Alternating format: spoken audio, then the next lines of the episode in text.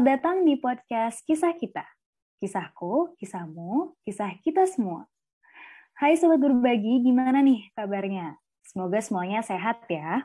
Welcome to our first episode, guys. Finally, kita bisa nemenin kalian lewat podcast.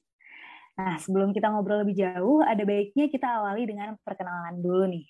Kenalin, nama aku Deta, dan untuk beberapa menit ke depan, aku bakal nemenin kalian buat ngobrol-ngobrol asik tentunya dengan topik menarik.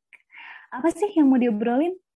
Nah, di episode kali ini kita mau mengulik tentang berbagi beras Indonesia. Tapi aku nggak sendirian di sini, karena kita akan kedatangan special guest untuk episode perdana ini. Wih, keren nggak tuh? Oke, langsung aja biar cepet ya. Langsung kita sapa dulu kali ya. Hai Kak Davira. Hai Deta. Apa kabar? Alhamdulillah baik nih Kak. Kak Davira sendiri kabarnya gimana? Alhamdulillah baik. Thank you ya udah um, diundang untuk podcast kisah kita Bayi Berbagi Beras Indonesia. Iya, thank you juga Kak udah mau bakal kita kepo-kepoin nih hari ini ya Kak. Nah, yes, yes. Oke, okay. nah karena dari tadi aku udah kenalan kan ya kak. Nah nggak adil nih kak kalau audiens kita kenalnya aku doang. Jadi boleh dong kak Davira kenalan dulu. Ya, halo semuanya teman-teman berbagi beras. Perkenalkan, nama aku Davira Desti Hairunisa, bisa dipanggil uh, Davira. Salam kenal semuanya. Nah, sobat berbagi, ini namanya Kadavira. Buat kalian yang belum tahu, Kadavira ini adalah orang hebat di balik berdirinya berbagi beras Indonesia. Makanya tadi aku sebut kalau kita kedatangan special guest. Karena Kadavira ini spesial banget nih. Kadavira ini merupakan co-founder dan CEO dari Berbagi Beras Indonesia. Jadi hari ini kita mau tanya-tanya langsung tentang berbagi beras Indonesia tuh dari pakarnya gitu. Oke, Kak. Davira saatnya kita hmm, sebut aja nostalgia kali ya. Gimana nih Kak? Siap kita kepoin untuk kembali ke masa lalu sedikit? Insya Allah siap. Oke Kak. Nah, aku yakin banget nih Kak pasti Sobat Berbagi di sini tuh penasaran banget tentang berbagi beras Indonesia atau yang biasanya disingkat BBI itu sendiri ya Kak. Nah, jadi BBI itu apa sih Kak? Mungkin Kak Davira bisa mulai dengan menceritakan BBI secara singkat nih Kak. Ya, terima kasih untuk pertanyaannya, Deta. Jadi Berbagi Beras Indonesia merupakan organisasi non-profit di mana uh, kita berperan sebagai intermediari antara donatur dan penerima donasi. Oke, keren banget, Kak. Nah, kalau boleh tahu terus uh, Berbagi Beras Indonesia ini mulai dibentuknya kapan nih, Kak? Berbagi Beras Indonesia itu berdiri officialnya ya itu di 21 September 2020 tapi memang dua bulan sebelum itu itu kita sudah mulai ideation kemudian untuk wawancara penerima donasi dan mengumpulkan insight-insight lainnya sih sebelum berdiri seperti itu. Oh wow, oke okay, kak. Nah uh, kan Kak Davira ini co-founder ya Kak. Jadi Kak Davira yang menemukan gitu ya. Nah, kalau boleh tahu nih Kak, gimana sih Kak ceritanya dulu Kak Davira bisa kepikiran buat mendirikan berbagi beras Indonesia gitu? Oke, jadi dalam pembentukan berbagi beras sendiri sebenarnya aku bisa melihat ada dua hal yang menjadi um, mendorong terbentuknya berbagi beras. Yang pertama, adanya problem, masalah yang harus diselesaikan. Yang kedua, adanya opportunity. Nah, mungkin aku bicara dari segi problemnya terlebih dahulu. Jadi, kalau kita bicara dari segi permasalahan yang perlu diselesaikan, itu waktu itu kebetulan aku sama partnerku menemukan bahwa panti asuhan di Indonesia itu kekurangan uh, bahan pokok makanan. Yang mana di Indonesia itu makan pokoknya adalah beras. Jadi ada salah satu panti asuhan yang kita tahu itu hanya bisa makan nasi itu satu kali satu hari. Sedangkan aku sama partnerku waktu itu di situ uh, waktu itu saat itu partnerku Laras itu kita merasa ya Allah kita tuh uh, sangat-sangat uh, dapat privilege yang luar biasa banget dan masih banyak banget ternyata uh, saudara-saudara kita yang memang membutuhkan bantuan dari kita.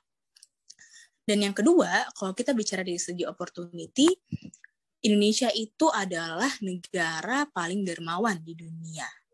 Yang mana market di Indonesia ini, terutama kalau kita bicara Gen Z dan milenial ya teman-teman ya, yang sepentaran kita, yang masih muda-muda, itu sangat berpotensi untuk bisa memberikan bantuan kepada teman-teman yang memang membutuhkan.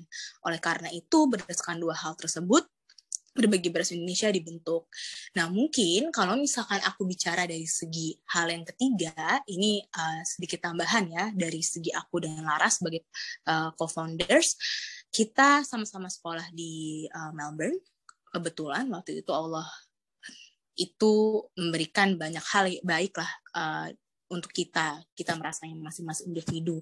Dan saat pulang ke Indonesia, kita merasa bahwa kita perlu untuk bisa membantu teman-teman semua yang memang membutuhkan. Seperti itu sih, Dad. Oke, wow, jujur uh, menarik banget ya kak. Dan dari aku sendiri ngedengernya very inspiring ya kak. Nah, uh, aku makin tertarik lagi nih Kak untuk nanya lebih lanjut. Jadi kan tadi Kak Davira udah ceritain gimana sih Kak Davira kepikiran untuk uh, ngebentuk BB itu sendiri ya. Nah, tapi kalau untuk tahap-tahap atau proses pembentukannya tuh gimana sih Kak? Ya, oke, okay, thank you Dad untuk uh, pertanyaannya. Nah, jadi kita itu pertama kita melakukan ideation apa ya yang akan kita uh, bisa buat apa yang akan bisa kita bantu ke teman-teman uh, panti asuhan di Indonesia karena waktu itu problem yang memang kita temukan adalah orang-orang di panti asuhan ini kekurangan uh, beras seperti itu.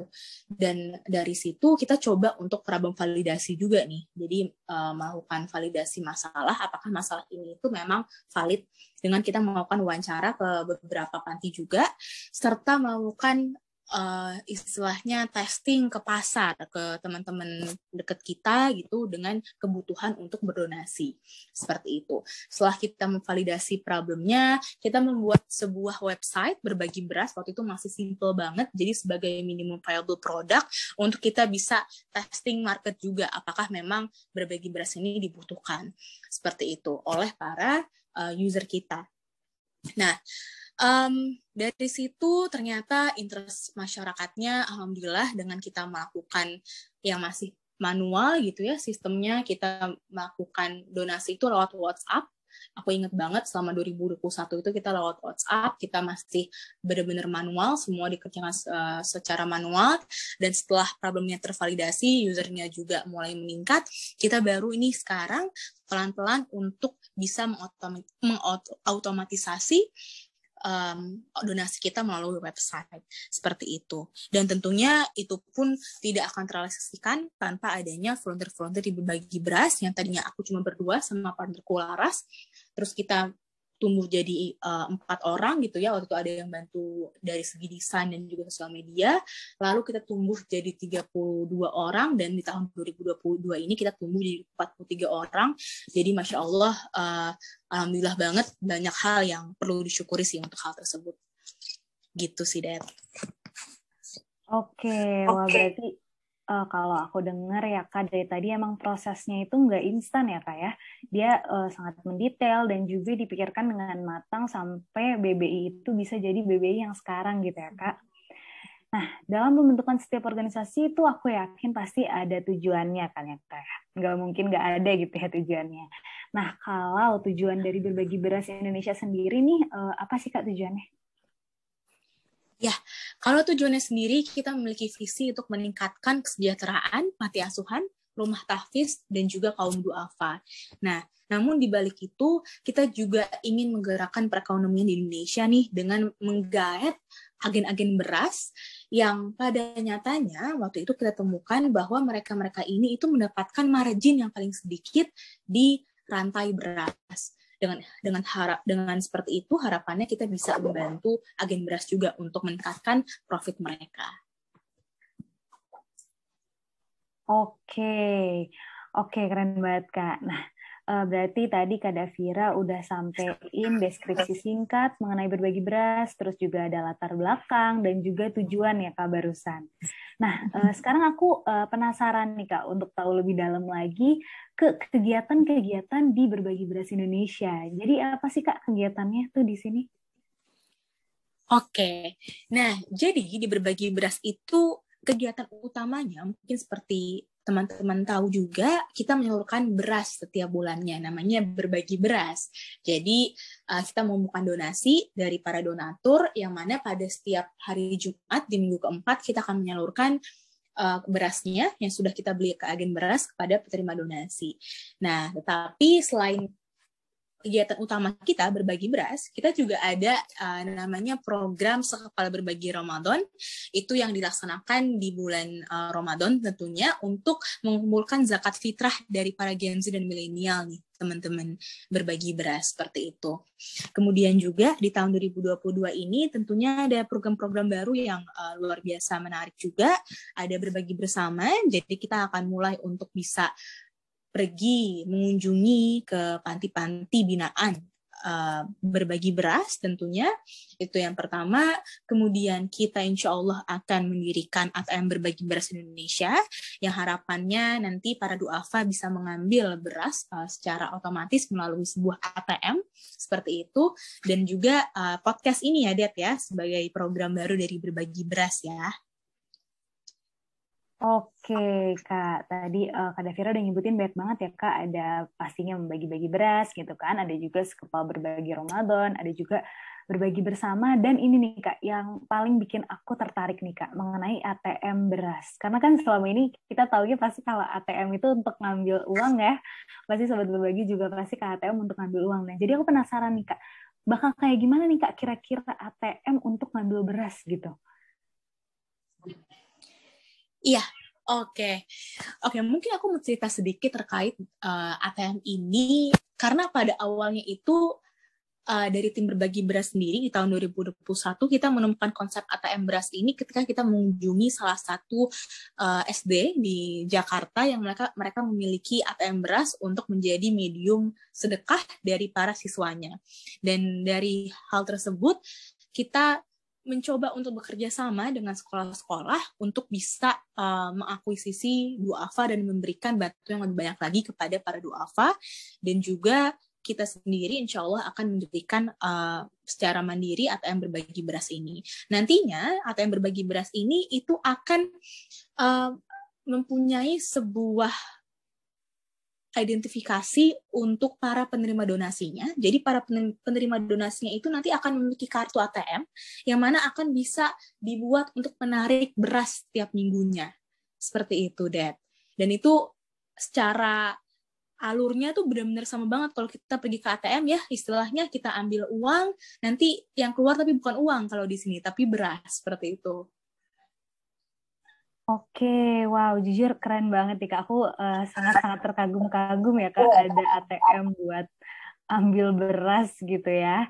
Nah, uh, terus uh, mengenai um, berbagi beras ini, Kak, ini kan merupakan suatu organisasi uh, charity gitu ya, Kak. Kalau dari sepengetahuan aku nih, Kak, biasanya kalau organisasi charity seperti itu tuh ada mitranya gitu, Kak. Nah, kalau di berbagi beras ini punya mitranya nggak sih, Kak? Dan siapa aja dan peran mereka tuh apa gitu?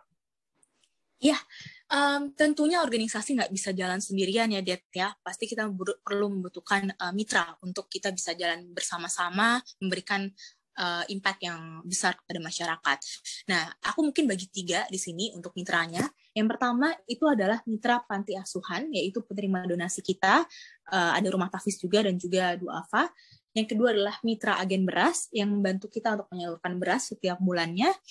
Dan yang ketiga adalah mitra, komunitas, serta korporasi, di mana kita bekerja sama juga dengan komunitas-komunitas lainnya, serta korporasi yang memiliki visi yang sama juga dengan berbagi beras, yang memberikan impact kepada masyarakat. Seperti itu, Det. Oke, Kak. Berarti tadi uh, kalau misalkan aku bisa simpulin ya, ada tiga ya, Kak. Ada panti asuhan itu sendiri, terus ada juga agen berasnya, dan ada komunitas atau korporasi yang memiliki visi yang sama dengan berbagi beras Indonesia ini ya, Kak. Iya, benar-benar. Oke, nah Kak, karena uh, kalau misalkan dari yang aku dengarkan dari tadi awal podcast kita nih Kak, fokus dari kegiatan berbagi beras Indonesia ini kan berarti kegiatan sosial ya Kak, yang pasti sangat-sangat dekat dengan masyarakat. Nah, uh, sejauh ini gimana sih Kak respon masyarakat itu sendiri terkait organisasi ini? Iya, Um, Alhamdulillah, mungkin ini aku akan bahas dari dua sisi ya. Yang pertama dari mitra penerima donasi dan agen beras. Kalau kita bicara dari penerima donasi dan agen beras, responsnya uh, luar biasa, Alhamdulillah. Dan banyak sebetulnya kita menerima request terkait dengan um, permintaan bantuan beras dari beberapa panti asuhan di luar uh, Jawa. Karena memang pada saat ini dengan keterbatasan berbagi beras, um, kita baru bisa untuk uh, menjangkau di wilayah Jabodetabek ya. Tapi harapannya di ke depannya insya Allah karena demandnya juga dari penerima donasinya banyak, harapannya kita bisa menjangkau daerah-daerah di luar Jawa dan seluruh Indonesia tentunya harapanku di, di, di ke depannya. Nah kalau dari agen berasnya Alhamdulillah juga baik dan mereka sangat senang bisa um, menyalurkan berasnya juga ke panti asuhan maupun rumah tafis yang selama ini juga bekerja sama dengan berbagi beras seperti itu. Kalau dari donatur dari apa yang kita sudah gather insight mungkin ya selama ini dari para donatur, alhamdulillah responsnya juga baik dan um, para donatur ini yang aku tangkap itu senang dengan adanya transparansi dari laporan yang, diber, yang diberikan oleh uh, berbagi beras seperti itu, Dad. Jadi harapannya mudah-mudahan berbagi beras bisa terus untuk mengimplementasikan nilai transparansi kepada donatur. Jadi donatur bisa mengetahui juga donasinya itu dialokasikan ke mana dan untuk siapa dan berapa uh, beras yang didistribusikan setiap bulannya seperti itu. Oh oke, okay. wah luar biasa ya kak ternyata ya. Jadi alhamdulillahnya memang respon masyarakat itu sangat positif ya kak ya. Ya, alhamdulillah. Oke, jadi itu dia Sobat Berbagi gambaran umum dari berbagi beras Indonesia ini.